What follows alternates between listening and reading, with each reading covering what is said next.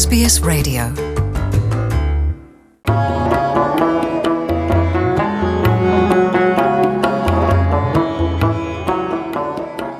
د استرالیا حکومت د پخوا په پرتله کمو کسانو ته دایمي ویزې ورکوي خبرې شوې شمیرې ښیي چې د دوه زره او اتلس او نولس کلونو ترمنځ په مالي کال کې یو سل او شپېته زره او درې سوه کسانو ته د استرالیا دایمي ویزې ورکړل شوي په داسې حال کې چې په تیر مالي کال کې د دایمي ویزو لپاره د یو سل او نوي زره ویزو حد ټاکل شوی و په دې معنی چې په تیر مالي کال کې د پخوانیو کلونو په پرتله دیرش زره کمې دایمي ویزې په شرایطو برابرو کسانو ته ورکړل شوي دي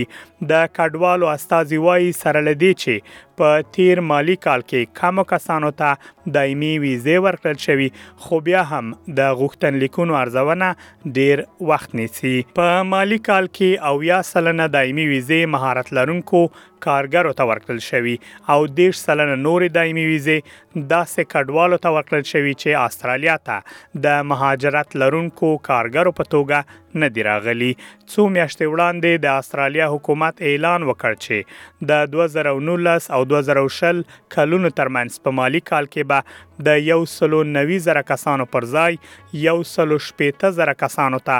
د استرالیا دایمي ویزې ورکړي، خو د استرالیا حکومت خپل پلان له ټاکل شوې مودې مخکې عملي کړ. د ای بي سي شبکې راپور ښيي چې په روان مالي کال کې د اسټرالیا حکومت غواړي ترڅو د یو سلو شپېته زره ویزو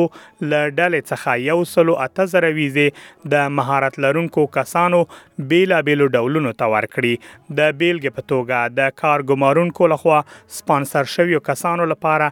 دېرش زره ویزې، د اسټرالیا په اطراف کې د کار لپاره درې ویشت زره، همداراز د سوداګرۍ او پانګونې لپاره شاوخوا شپږ زره ویزې په پام کې نیول شوې دي په روان مالی کال کې استرالیا ته د کورنیو د غړو راوستلو لپاره و څلوېښت زره ویزې په پام کې نیول شوي خو د هغو ماشومانو لپاره چې د نورو پروګرامونو له لارې استرالیا ته راځي شاوخوا درې زره ویزې په پام کې نیول شوې دي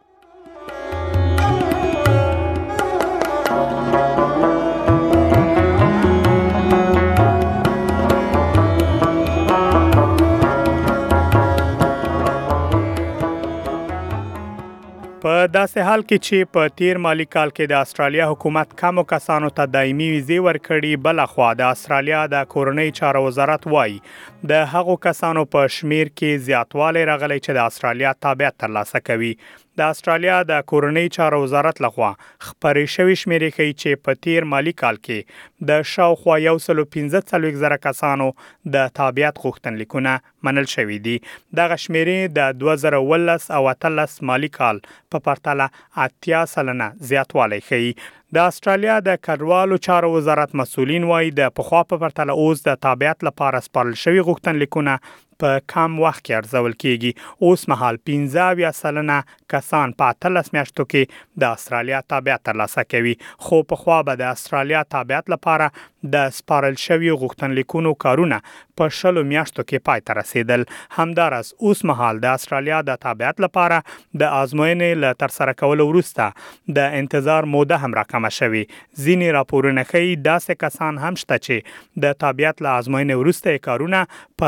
یوه ورځ کې پای ته رسېږي. د اسټرالیا د کډوالو چارو وزیر ډېوېډ کولمن وايي، د تابعیت پروسې کې اصلاحات او په انلاین ډول سره د غوښتنلیکونو سپارل د دې لامل ګرځېدلي تر څو د انتظار موده راکمه شي او خلک په کم وخت کې د استرالیا تابعیت ترلاسه کړي د استرالیا د تابعیت لپاره ټول غوښتنلیکونه په یو وخت کې نه ارزول کیږي د ځینو کسانو غوښتنلیکونه کېدای شي له 13 میاشتو په کم وخت کې پای ته ورسیږي خو د ځینو نورو کېدای شي له دوه کلونو څخه زیات وخت ونیسي په 1948 میلادي کال کې د استرالیا د تابعیت د قانون له تصویب څخه یو کال وروسته د لومړي ځل لپاره د ایټالیا، پولند، یونان، جرمني او یو شمېر نور هیوادونو اوسیدونکو د استرالیا تابعیت ترلاسه کړ. د 1949 او 2019 کلونو ترمنځ شاوخوا 15 میلیونه کډوالو د استرالیا تابعیت ترلاسه کړی دی او دغه لړۍ لا تر اوسه دوام لري. د استرالیا تابعیت یوازې دا معنا نه لري چې تاسو په استرالیا کې د استوګنې دایمي اجازه ترلاسه کوي بلکې د دغه هیواد تابعیت یو شمېر مهمې ګټې هم لري د بیلګې په توګه د تابعیت ترلاسه کولو